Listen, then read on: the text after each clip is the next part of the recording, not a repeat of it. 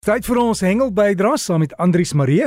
Hy het 'n webtuiste maar hy is ook betrokke by van die tydskrifte in Suid-Afrika en reis die land vol vir ons hengel nuus te kry. Vandag in Johannesburg. Hallo Andrius. Môre Derek, môre aan die luisteraars. Jy het 'n hele lys daarvan dinge wat gebeur, né?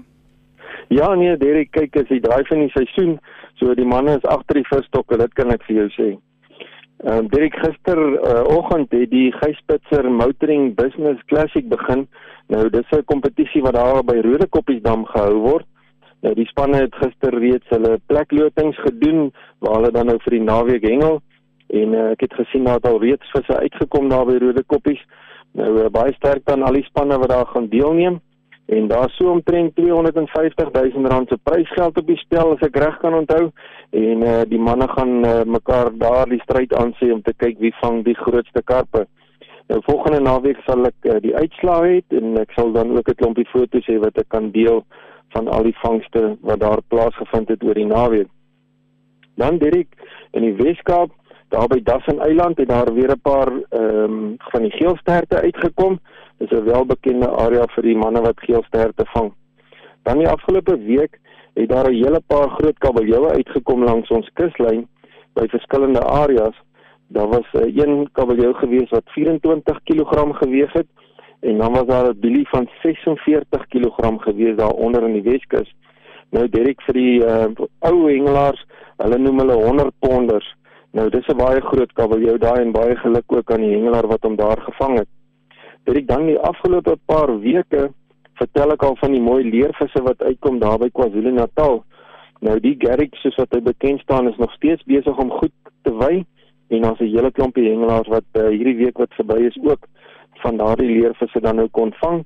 So dit lyk vir my dat die leervis loop daar in Natal as ek as ek dit nou so kan uitdruk. Dan luisteraars so gepraat van KwaZulu-Natal se kus.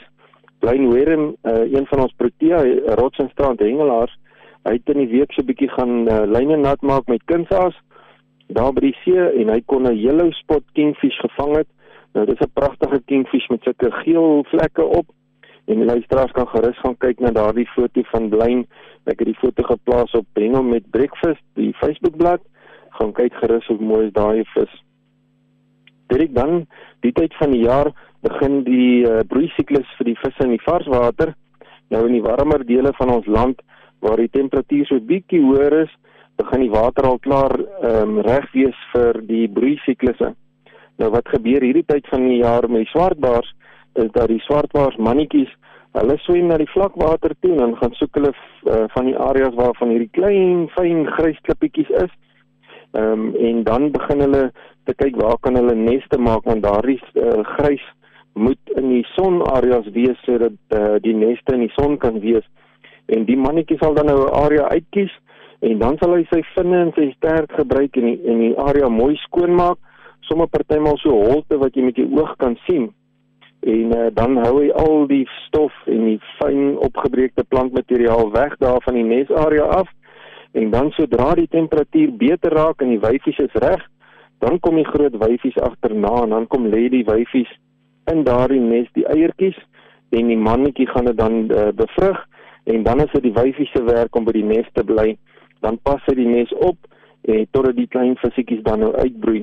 So dit is wonderbaarlik hoe ons natuur werk dat die vis hulle populasie kan onderhou. Nou direk ongelukkig hierdie tyd van die jaar is dit dan nou ook baie hengelaars wat lief is om die groot swartbaars te gaan vang want dan is hulle uh, groot um, en vet want hulle het nou oor die winter gevreet want hulle weet hulle kan nie nou wy terwyl hulle op die neste is nie. So ek wil tog die hengelaars vra los die wyfietjies wat op die neste is asseblief laat hulle net eers gaan klaar broei want um, as jy hom vang so van die nes af dan kan sy onder spanning daardie eiers hard word en partymal vrek hulle omdat hulle dan nou nie kan ontslaa raak van daardie eiertjies nie. So ons moet die populasies onderhou. So kom ons gee hulle kans dat hulle klaar kan broei en dan kan 'n man hulle weer gaan vang.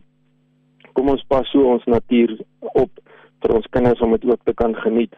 Dit nog 'n mooi vangs wat die week plaasgevind het.